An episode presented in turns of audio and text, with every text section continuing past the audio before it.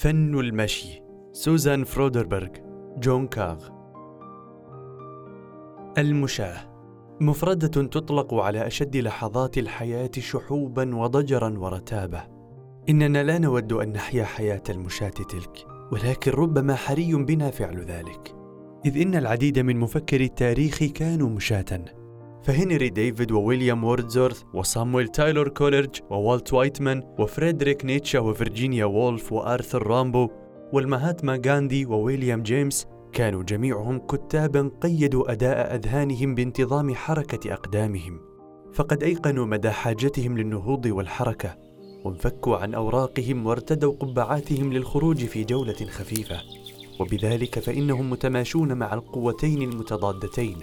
الحركة والراحة. ذاك الباعث المرسوم وفقا لقوانين الطبيعة.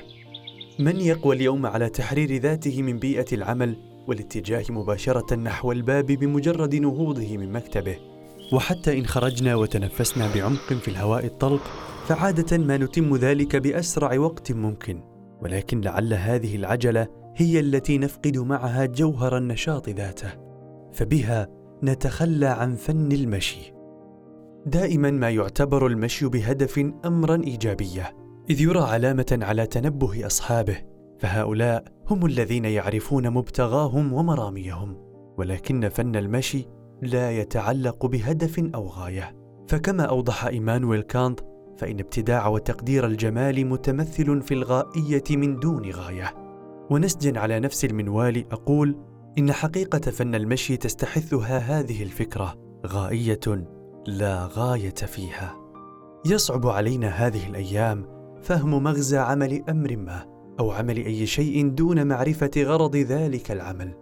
إننا عادة ما نمشي للوصول إلى مكان ما إلى البقالة أو استوديو اليوغا أو براد المياه أو ربما علينا أخذ الكلب في جولة أو أن نمشي احتجاجا على أمر ما. كما أننا نمشي من أجل اللياقة ونعد خطواتنا أثناء ذلك من خلال ساعة لياقة ذكية. أصبح التجول امرا محدد الغاية فقد يكون إثباتا لفكرة معينة أو تحقيقا لمغنم أو وصولا إلى هدف محدد. وهناك ما هو مضحك ومحزن بشأن قصر المشي على غايات معينة كتلك فالمحاولة الهائجة للوصول إلى مكان ما في الوقت المحدد هي بمثابة نضال سيزيف إزاء القدر. ففور ما نصل إلى محطة معينة يجب أن نتأهب مباشرة للانطلاق مرة أخرى قاصدين محطة التوقف التالية. إن هدف تلك الرحلة بكاملها ليس إلا للوصول هناك وتحريكنا لأقدامنا ما هو إلا نشاط رتيب وشاق يتخلله لحظات من الراحة. تزداد معدلات المشي استعانة بالأدوات التقنية التي يلبسها الناس حول معاصمهم. أو يحملونها بين كفوفهم.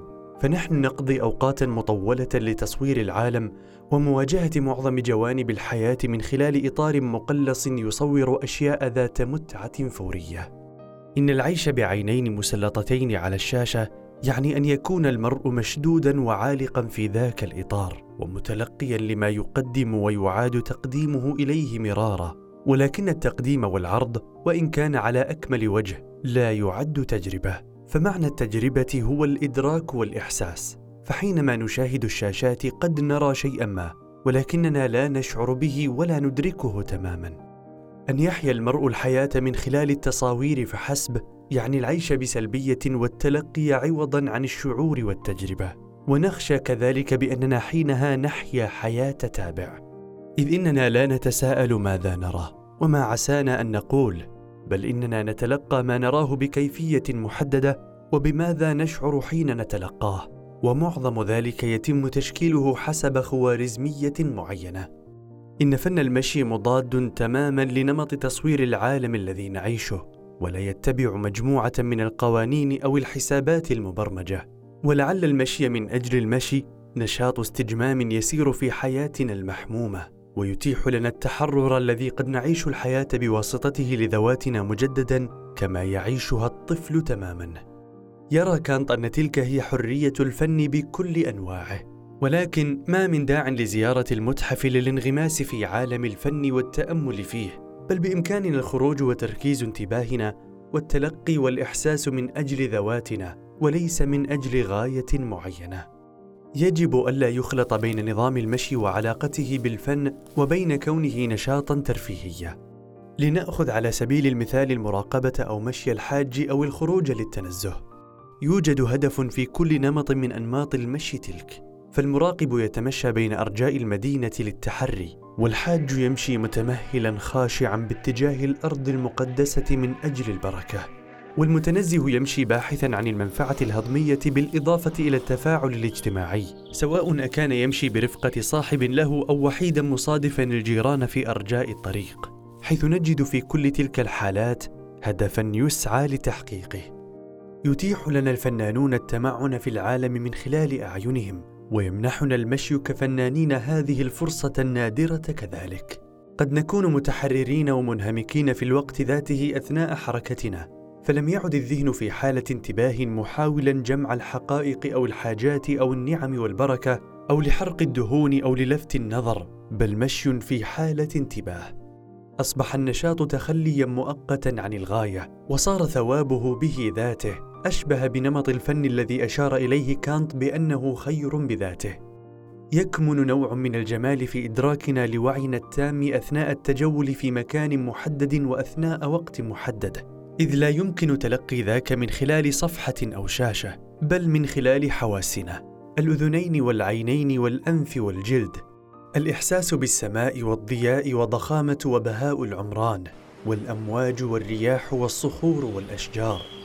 إنه أفق لا حد له ولكن عندما نتأمل من خلال الشاشة فإننا نبتر هذه الأحاسيس ونقيد كذلك تنزه أفكارنا ورؤانا التي تخصنا نحن. لا أحد سوانا.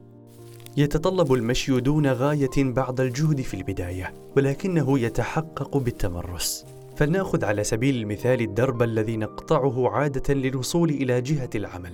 هدفنا حينها هو الوصول إلى وجهتنا آمنين وفي الوقت المناسب.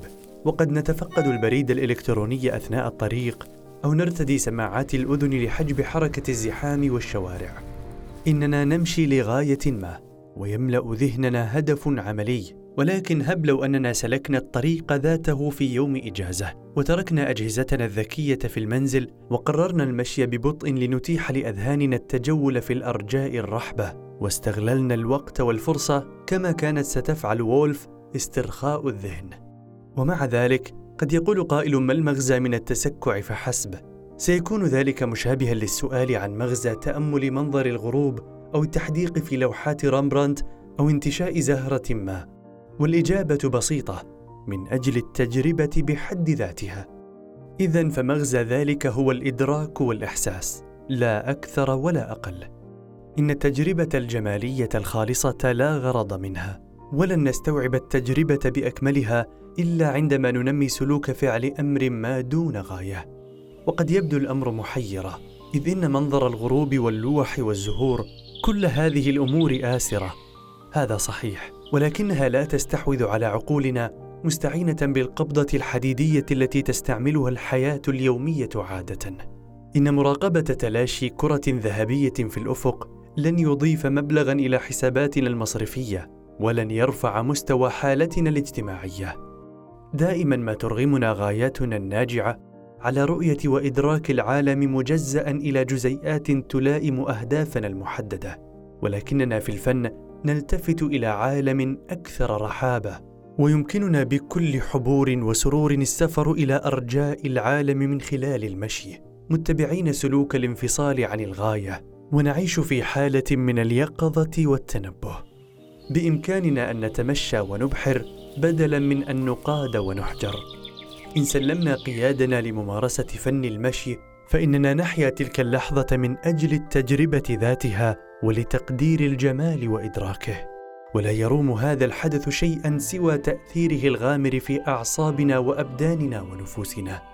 يا لاسى المجتمع الذي عمي عن قيمة ذاك النشاط.